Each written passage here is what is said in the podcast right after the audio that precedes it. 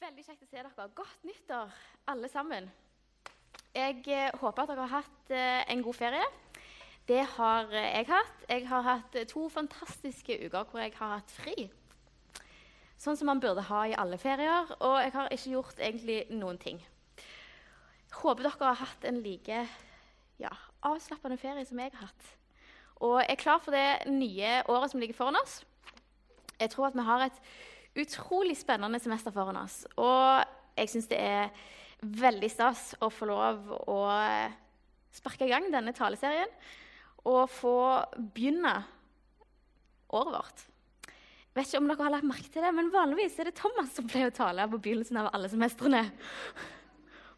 Jeg vet ikke om du har merket det sjøl, men denne gangen er det min tur. jeg har sneket meg inn, og jeg syns det er veldig, veldig gøy. Yes, Vi begynner på en ny taleserie i dag, og den heter 'Giftig'. Den skal gå over fem søndager. Her på kveldsmøtet skal vi ha eh, møte fire søndager. Så den femte søndagen da må dere gå på formiddagen for å få med dere den siste talen. Men jeg må jo bare si det at jeg tror at dette her kommer til å bli en utrolig spennende serie. Og jeg tror at dette vi skal snakke om, er ting som er kjempeviktige, og som er om mulig den aller beste måten å begynne dette nye året på. Så jeg har bare lyst til å oppfordre dere til å få med dere alle fem talene og til å møte Mannsterke opp den siste søndagen på formiddagen klokka 11 når det ikke er vanlig kveldsmøte. Så har jeg sagt det først som sist. Som dere kanskje har gjetta, så skal vi snakke om gift. Og hva er egentlig gift? Veldig enkelt oppsummert så kan vi si det sånn som dette. Gift er farlig materiale som kan føre til sykdom og død. Når jeg var liten, så hadde vi hjemme et gammeldags kvikksølvtermometer. Og jeg husker utrolig godt den gangen dette termometeret gikk i baderomsgulvet. Og det knuste. Og jeg tror aldri i hele mitt liv jeg har fått en så klar og tydelig beskjed på 'Kom deg ut!' fra min mor. Og jeg skjønte OK, nå går jeg ut. Jeg var fire-fem år.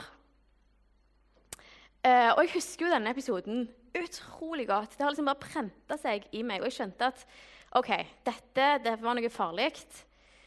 Det var tryggest å bare holde seg unna. Og vi er egentlig ganske vante til å forholde oss til giftstoffer.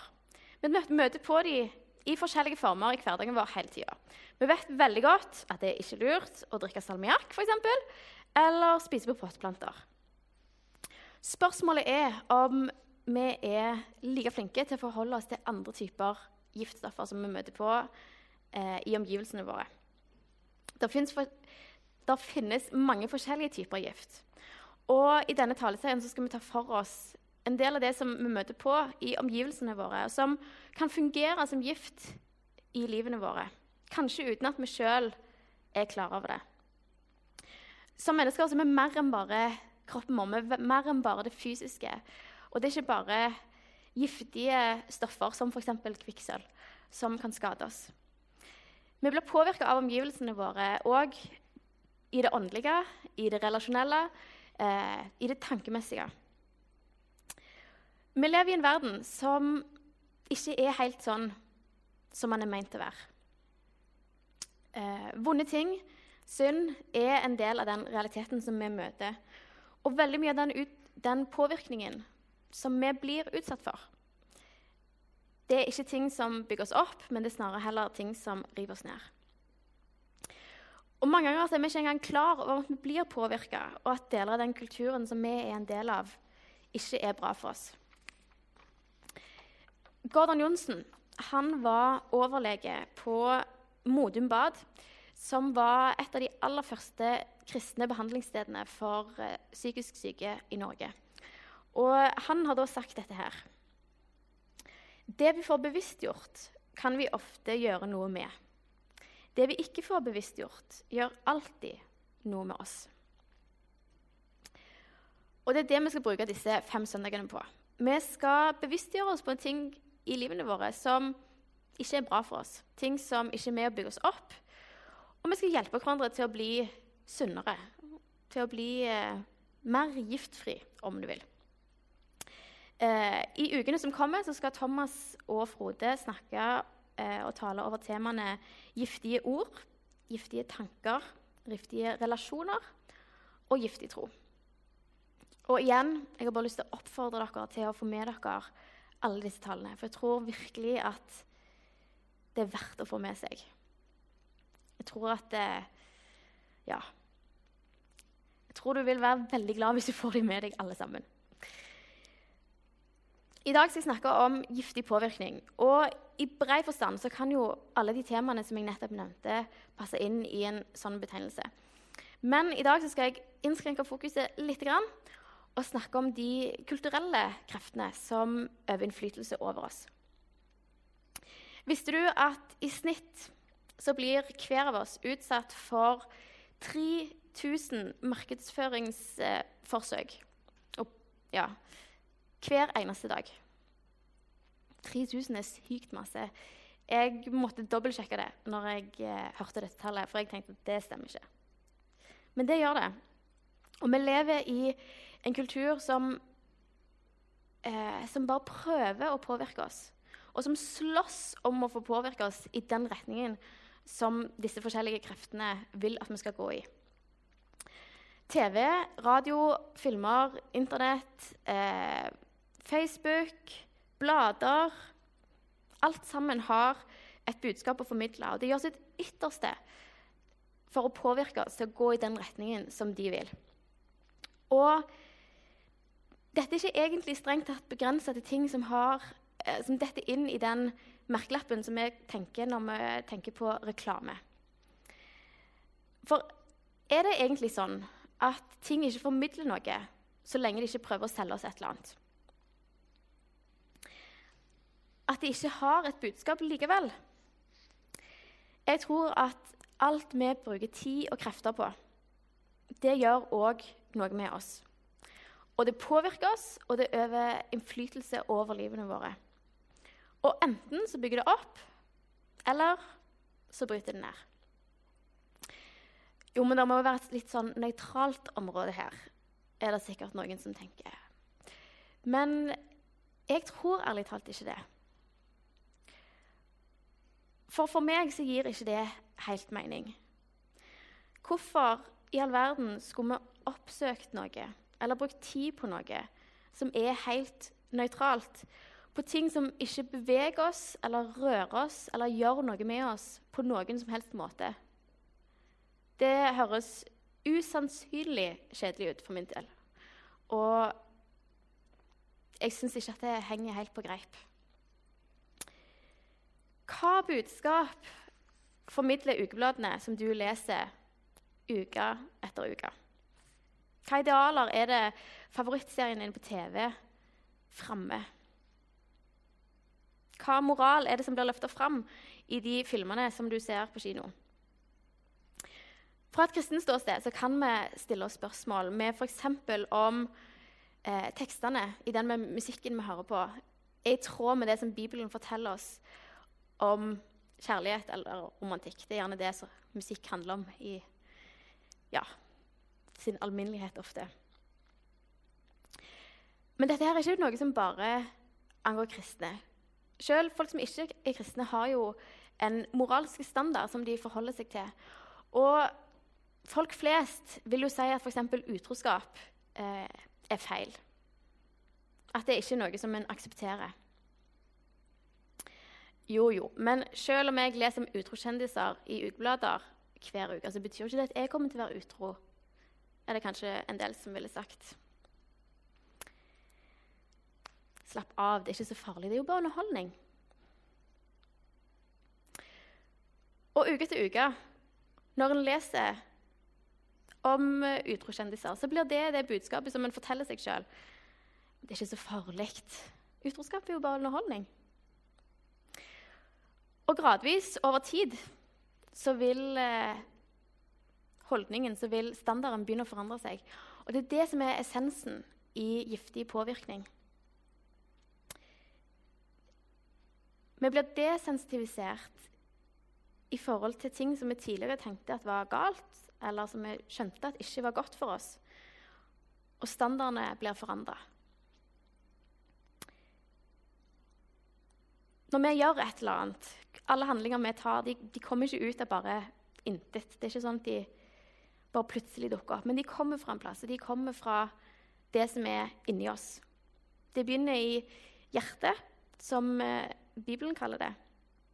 Og de tingene som vi ikke er bevisste på, de får fritt spillerom til å herje og til å øve innflytelse over tanker og hjerte og det er ikke sikkert at vi legger merke til det engang.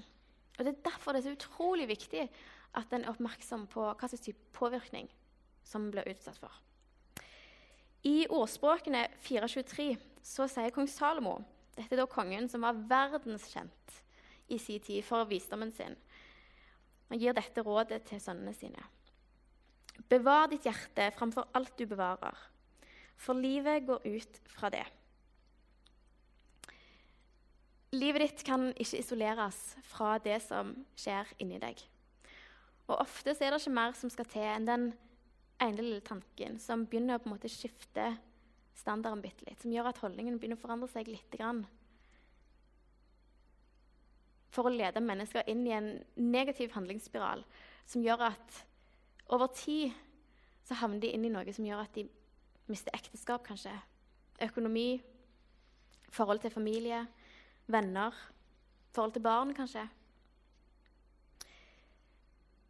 Hjertet ditt, ditt indre, den plassen der du tenker og der du tar avgjørelser, er ikke immun mot den innflytelsen som vi blir utsatt for i kulturen som vi lever i.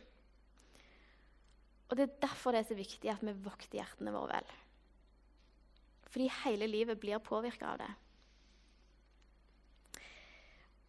For eh, ja, et drøyt år siden så begynte jeg å se på en serie som heter Criminal Minds. Er sikkert mange av dere som kjenner til den. Hvis det er noen smil, det er alltid et godt tegn. Og um, ja, Kort oppsummert så er dette en eh, serie som følger et team med spesialtrente agenter i FBI som jakter på seriemordere og hvor målet jo naturlig nok er å fange seriemorderen før det går et nytt offer tapt. Og det sier seg jo sjøl at dette er en serie med ganske mange triste skjebner. Og med veldig, veldig syke og ødelagte mennesker som gjør brutale og ubeskrivelig fæle ting. Eh, dette er en serie som ikke har sånne eksplisitte voldsscener i den forstand, men antydning kan jo ofte være mer enn nok. Det er ingen tvil om hva som skjer, og fantasien min får i hvert fall nok å spinne videre på. Eh, sånn generelt så syns jeg det er utrolig gøy med TV-serier. Og hvis jeg først eh, begynner, så kan jeg fort bli ganske hekta. Og sånn var det òg med denne serien. Jeg eh, ja, så flere episoder til dagen, hver dag sikkert, i en periode på et par måneder, kanskje. Det er ganske mange sesonger. Um, så jeg jobbet meg fra episode til episode, fra sesong til sesong, og plutselig så var det jo ikke flere sesonger igjen. Så da tenkte jeg ja, ja, jeg får finne meg en annen serie. Og så ble det ikke til at jeg så noe mer på Criminal Minds. Um, noen måneder etterpå dette så kom jeg hjem fra jobb. Jeg var trøtt. Tenkte at å, nå hadde det vært deilig å bare slappe av litt. Så da fikk jeg den gode ideen at aha, jeg kan jo se en episode med Criminal Minds. Det blir bra. Kan jeg skikkelig kose meg. Eh, så jeg satte meg ned og gjorde klart og var veldig innstilt på at dette skulle bli veldig bra. Eh, men jeg fikk meg en utrolig overraskelse. For jeg hadde ikke sett mer enn ti minutter, tror jeg. Før jeg bare måtte skru av, rett og slett. Eh, det var midt i en scene hvor en seriemorder eh, mishandla og torturerte etter ofrene sine. Og du skjønner hva som skjer, og hører stemmene og hører lydene. Og jeg kjente at jeg, jeg begynte å bli fysisk uvel. Jeg begynte å bli kvalm. Og det var sånn at jeg, jeg bare måtte, jeg måtte skru av. Jeg orket ikke mer. Og jeg ble utrolig overraska over min egen reaksjon. For jeg hadde aldri, altså, aldri reagert på den måten før. Jeg sikkert sett hundrevis av episoder Og begynte liksom Herlighet, er det noe galt med meg? Men jo mer jeg tenkte på det, og jo mer jeg liksom ja, tenkte over hva som egentlig hadde skjedd, så, så gikk det egentlig opp for meg at jeg syns egentlig ikke det er noe galt i å oppleve avsky og vemmelse når du ser et annet menneske bli torturert. Uansett om det er på TV eller i virkeligheten. Og jeg skjønte at jeg hadde blitt så eh, dratt inn i dette at jeg hadde gjort andre mennesker sin lidelse og andre menneskers smerte til underholdning. Jeg hadde blitt så desensitivisert i forhold til noe som jeg jo tenker at er forferdelig, og som er galt. Noe som jo med rette hadde gjort meg uvel tidligere. Men jeg hadde liksom bare blitt vant til det. Og plutselig så var det bare underholdning. Det var ikke så farlig. Og jeg tror at det er litt sånn for mange av oss i forhold til forskjellige ting. Enten det er TV-serier, om det er musikk, om det er bøker, om det er blader, internettsider, blogger Altså you name it. Vi blir utsatt for så mye påvirkning at vi ikke lenger merker at vi blir påvirka. Og hva som er god og hva som er dårlig underholdning, blir forandra. Standardene for hva som er galt, og hva som er rett, blir forandra. Og ikke bare på en måte forandre eh, standarden for hva som er akseptabelt seg, men en kanskje til og med oppsøke og betale penger for ting som til syvende og sist er giftig for oss. Jeg brukte eksempelet med en TV-serie her, fordi det var noe som skjedde med meg, og som jeg tror at det kan skje med alle. Um, men det kan jo være mange forskjellige ting. Og hvis du er litt sånn som meg, så kan det godt være at du sitter og tenker på akkurat den tingen som dette gjelder for deg akkurat nå. Dette her er utfordrende greier. Og um, kulturen som vi lever i, er utrolig bråkete. Og vi blir bombardert fra alle kanter med budskap og ideer som ikke er etter Guds hjerte og som vi ikke er med å bygge oss opp. Verken som menneske, som venn, som sønn eller datter, som tante eller onkel, kanskje, eller som kristen. Og hvis vi skal være ærlige, så tror jeg alle vi på et eller annet tidspunkt har sett, hørt eller lest et eller annet som vi, vet, som vi vet at ikke er bra for oss, og som vi vet at ikke er Gud. Og det som er trist, er at hvis du er sånn som meg, så er det ikke sikkert at det har plaget deg i nevneverdig grad. Det er ikke så farlig at det var noen litt vel drøye sexscener i filmen, for han var jo veldig god. Det er ikke så farlig om det idealet som bladet du leser, fremme er et kroppsbilde som er fullstendig ut, uh, usunt, fordi det er veldig mye annet kjekt.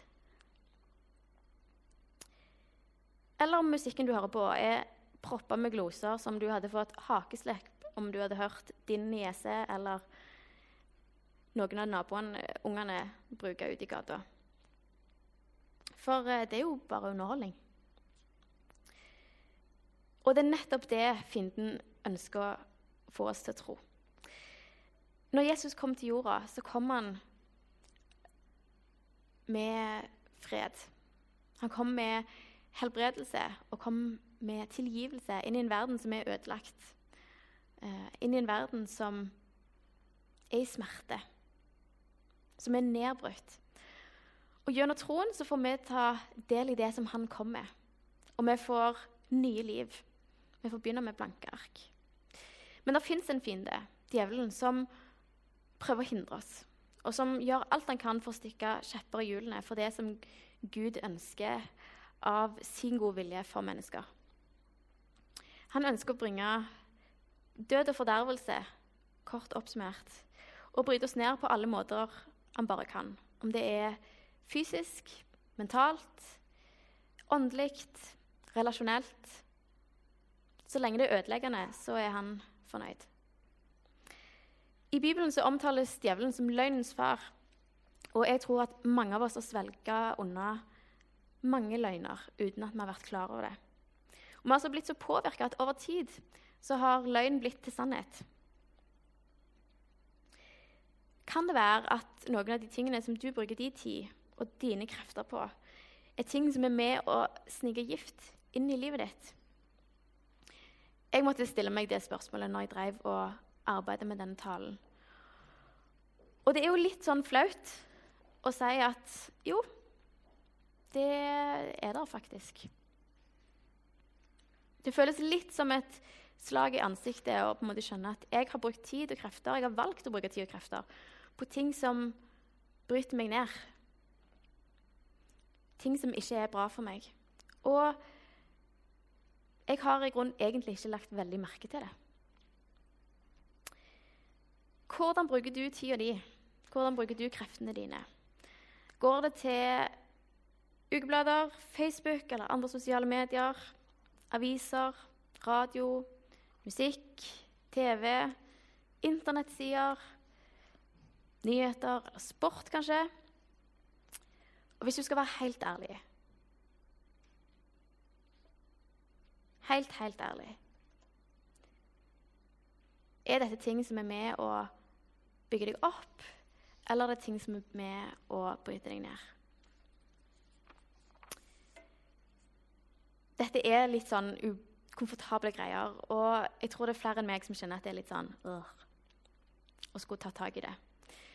Um, men jeg har lyst til å oppfordre deg til å eh, ikke bare riste av deg den følelsen og liksom bare uh, ja, gå videre uten å ha tatt tak i det. Men å la det, denne følelsen, denne litt ekle Her er det et eller annet som jeg ikke helt vet hva er. Eh, bruk den til å søke nærmere til Gud. La det drive deg nærmere til Gud. Han ønsker kun det beste for deg, og jeg tror at han har noe han har lyst til å si deg i forhold til akkurat disse tingene. Så når vi da skal ta valg i, for, i forhold til hvordan vi bruker tida vår, eh, i forhold til hva slags type påvirkning vi ønsker i livene våre, så er det veldig greit med noen tips på veien. Så jeg skal være så snill at jeg skal gi dere noen. For det første litt gift rekker langt. Når noe er giftig, så skal det ofte veldig lite til for at det skal få en negativ innvirkning på det som blir utsatt for gift. Litt gift forurenser et helt menneske. Og det, går ikke å skille den delen som er forgifta, fra den som ikke er det. Og Vi skal lese fra 1. Korinterbrev 5, vers 5-6. Vet dere ikke at litt surdeig syrer hele deigen? Rens ut den gamle surdeigen, så dere kan være en ny deig. Hvis du har bare en bitte, bitte, bitte liten dråpe med surdeig oppi en helt fersk deig, så vil det over tid gjøre at hele deigen blir en surdeig. Og Oppfordringen som vi møter i dette bibelverset, er kanonklar. Det er vær en ny deig. Rensk ut surdeigen. Rensk ut gifta. Tenk deg at eh, jeg har invitert deg hjem til meg på kaffe. Jeg har dekt bordet, det er kanskje til og med blomster og duk. Kaka står framme, og det er ikke bare hva som helst kake, men det er yndlingskaka di, faktisk. Og eh, du gleder deg skikkelig til å spise denne kaka. For det er jo yndlingskaka di. Det sa jeg akkurat. Um, og akkurat idet du skal til å ta et stykke, så sier jeg ja. Bare forsyn deg. Jeg ser at du gleder deg. Men bare sånn at du vet om det, så eh, gjorde en liten sånn forveksling og bytta vaniljesukker med rottegift. Men det er bare ei teskje, så det går helt fint. Bare spis. Jeg tror de aller fleste av dere hadde tenkt ah, nei, ellers takk. Hadde ombestemt dere ganske fort. Men akkurat sånn er det veldig mange av oss som argumenterer. Jo, men det var jo bare noen stygge ord. Det var ikke så mange. Eller humoren var jo litt på kanten, men det var jo bare veldig morsomt. Det var jo bare bitte litt, liksom. Eller ja, altså Jeg vet jo at sannsynligheten for at en finner kjærligheten på TV, ikke er sånn veldig stor. Og jeg hadde jo aldri egentlig hatt lyst til at noen skulle ha data ti andre samtidig som de data meg. Men det virker jo som det er ganske fine folk, da.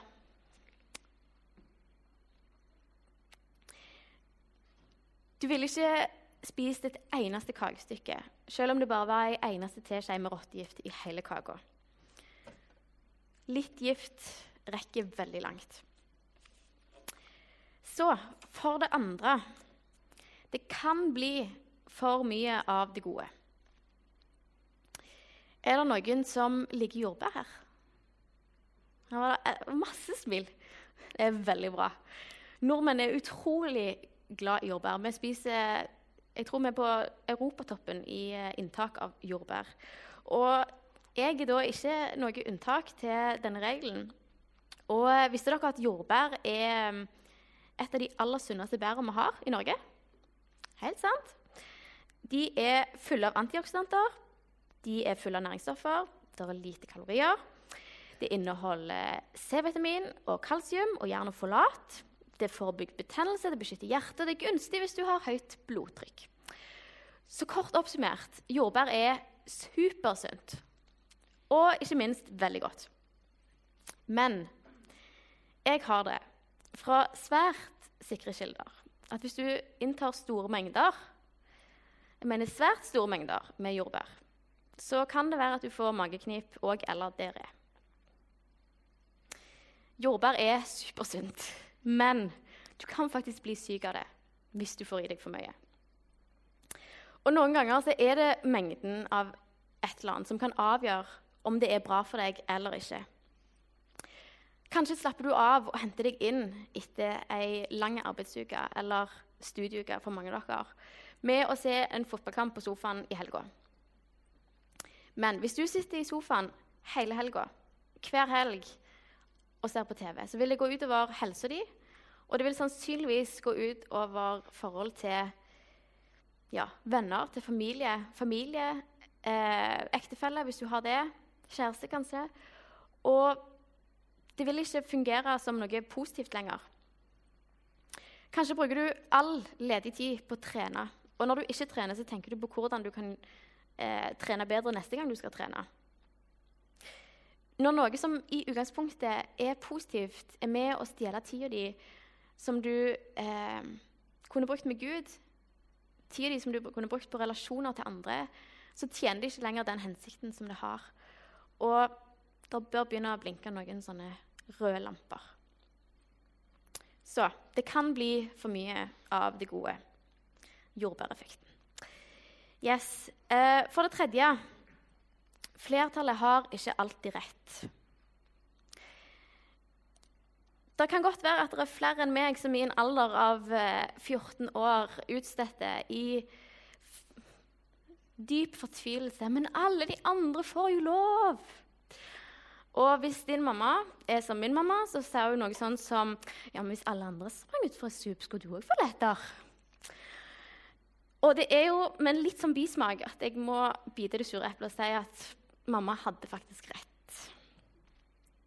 Mødrene våre hadde faktisk rett. Det er ikke alltid at det at alle andre gjør et eller annet, gjør at det er riktig. Vi skal lese fra Romerne 12,2. Og jeg skal lese fra en parafrasert oversettelse som heter The Message.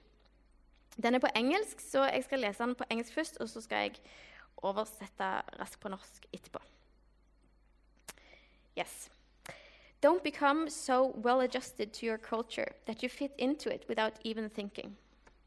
Instead, fix your attention on God. You'll be changed from the inside out. Unlike the culture around you, always dragging you down to its level of immaturity, God brings the best out of you, develops well formed maturity in you. Bli ikke så vel tilpassa til kulturen din at du passer inn uten at du i det hele tatt tenker over det. Vend heller oppmerksomheten din mot Gud. Du vil bli forandra fra innsida og ut. I motsetning til kulturen omkring deg, som alltid drar, seg, drar deg ned til sitt eget nivå av umodenhet, så bringer Gud fram det beste i deg og utvikler modenhet i deg. Som kristne er vi kalt til å være annerledes. Og vi er kalt til å ta noen valg som reflekterer hvem Herren vår er. Og Når vi fokuserer på Gud, så skjer det et eller annet med oss. Vi modnes, og vi blir i stand til å skjelle mellom hva som er godt, og hva som ikke er det. Og mange ganger så er Guds gode vilje for oss ikke det samme som kulturen vår sier at er det rette. Det at alle andre gjør det, gjør det ikke automatisk OK. Og vi trenger å eh, utvikle blikk som ser sånn som Gud ser. Og det får vi når vi venner oss til Han og fokuserer på Han. Og siste tipset for det fjerde Selv om vi kan, så er det ikke sikkert at vi burde. Som kristne så har vi fått en enorm frihet. Og selve kjernen i evangeliet er at Jesus kom. Han døde på korset for at vi skulle få ta imot Guds nåde og evige liv. At vi skulle få ta del i den friheten som han ønska for oss. Vi kan ikke gjøre noe for å fortjene frelsen. Vi kan ikke gjøre noe for å fortjene Guds kjærlighet. Frelsen er en gratis gave som vi tar imot i tro. Og troen er det eneste som skal til for, um, for at vi skal komme til himmelen. Så la meg si det så tydelig som jeg bare kan. Hva vi gjør, og hva vi ikke gjør, påvirker ikke frelsen vår. Det påvirker, påvirker ikke um, Guds kjærlighet til oss. Men det er ikke dermed sagt at det vi gjør, ikke har betydning. At det ikke har noe å si. Og Gud har i Bibelen åpenbart til oss ei rettesnor på, på hvordan vi kan leve på en måte som er til det aller beste for oss, og som ærer Han for det Han har gjort i livene våre. Paulus han sier det sånn i 1. Korinterbrev 6, 12. Jeg har lov til alt, men ikke alt gagner. Jeg har lov til alt, men jeg skal ikke la noe få makt over meg. Så kan du gå på McDonald's og spise hver dag, slutte å trene konstant og konsekvent, råkjøre i bil, ta opp gjeld langt over det du kan betjene for å kjøpe ting du egentlig ikke trenger, og fremdeles være kristen og komme til himmelen? Ja, Helt klart. Men det vil ikke være bra for deg. Du kan, men det vil ikke gagne deg. Og det vil få makt over deg. Noen av dere som hører denne talen, dere er modne og grunnfesta kristne som, um, som, er i stand til å um, bli utsatt for en viss grad av påvirkning. Og dere kjenner deres egne grenser. uh, og dere vet å ta vare på dere sjøl i forhold til den påvirkningen som dere får. Andre av dere er um, mer utsatt og mer sårbare for å bli frista. Uh, dere blir lettere dratt med på de, eh, den påvirkningen som prøver å dra dere med på det som verden vil. Og det hadde vært enkelt for meg å sagt ja, hvis du bare gjør sånn og sånn, og sånn, og sånn, så skal alt gå bra. Men det er ikke først og fremst regler dette handler om. Det handler om eh, en holdning. Det handler om et hjerte som, som, ønsker det som er til det beste. Så jeg har ikke tenkt å si gjør sånn og gjør ikke sånn, og gi regler og eh, sånne ting. For det er bare ja, menneskelige greier. Har ikke egentlig noe med dette å gjøre sånn sett. Jeg skal ikke si dette kan du se på TV, dette kan du ikke se. Du kan lese i disse bladene, men ikke i disse. Disse nettsidene er trygge, og denne musikken den kan du i hvert fall ikke høre på. Men jeg har lyst å oppfordre dere på det aller, aller, aller sterkeste til å ta et kritisk blikk på det som dere fyller tida deres med. Det som dere underholder dere med. Er det noe som bygger deg opp, eller bryter det deg ned? Det er ingen sånn enkel one size fits all-regel i forhold til dette. Eh, og Gud han gir oss frihet innenfor den retningslinja som Bibelen gir oss. Prøv alt og hold fast på det gode. Og hold dere borte fra ondskap av alle slag. Prøv alt. Test alt. Analyser alt. Undersøk det, gransk det, finn ut hva det egentlig handler om. Og vær kritisk. Vær oppmerksom, og ikke bare ta andre sine vurderinger for gitt. Tenk sjøl. Og våg å søke Gud. Spør hva han syns om hvordan du bruker tida di. Jeg tror at han vil svare deg. Eh, kanskje får du noen overraskelser. Våg å være ærlig. Det koster litt. Men jeg tror at eh, ja, vinningen med å, med å, være det er mye større enn kostnaden. Og kanskje kan det være at du må ta noen valg som er litt sånn kjipe her og nå. Men jeg tror at det vil være verdt det lenger framme. Når du ser at du unngikk de tabbene som andre havna inni fordi at de ikke var oppmerksomme, ikke passet på hvordan de ble påvirka, og hva de fylte hjertene sine med. Dere kan jo snakke med hverandre, diskutere det og spørre. Og kanskje dere kan hjelpe hverandre til å holde hverandre ansvarlige. Spør hvordan det går. og Hva tenker du om det?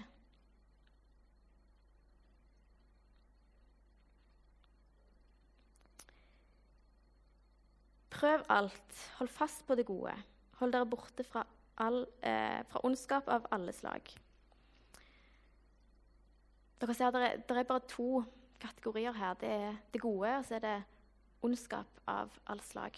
Det er ingen gradering. Ondskap fins bare i én kategori.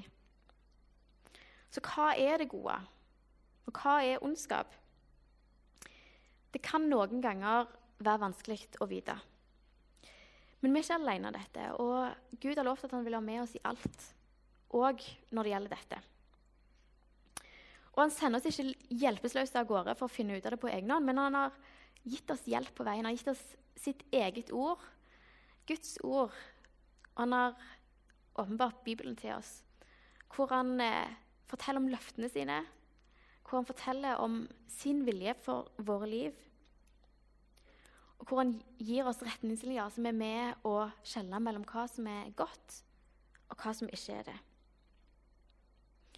Det fins bare én standard som er fullkommen, og som leder oss inn i et sunt og helt liv som er et liv med overflod av de tingene som virkelig betyr noe. Og det er Bibelen. Og jeg tror at det er på tide at vi tar et steg tilbake um, og sier Gud, her er jeg. Hva vil du si meg? Og For mange av oss så tror jeg at det, det handler om at vi må be Gud om å si, tilbakestille oss til fabrikkinnstillingene. Be Gud om å sette standardene tilbake til sånn som de er meint å være. Til det som han skapte oss for. Til det livet som, ja, som har skapt oss for, og som er det aller beste som vi kan få. Det er den eneste måten vi kan leve liv som er alt det de er meint til å være. Og hvor vi ærer Gud med hele livene våre. Så Dette er jo litt av en start på et nytt år. Vi ja, går i gang med et pang, for å si det sånn. Um, men jeg håper at dere vil ta det med dere. Uh, og jeg håper at dere ser som meg at dette er faktisk en av de aller beste måtene å starte et nytt år på. Med å ta et skritt tilbake og si Gud, sett meg tilbake til fabrikkinnstillingene. Forandre hjertet mitt. Ta meg tilbake så jeg står på linje med det som du sier er det beste for livet mitt. Yes.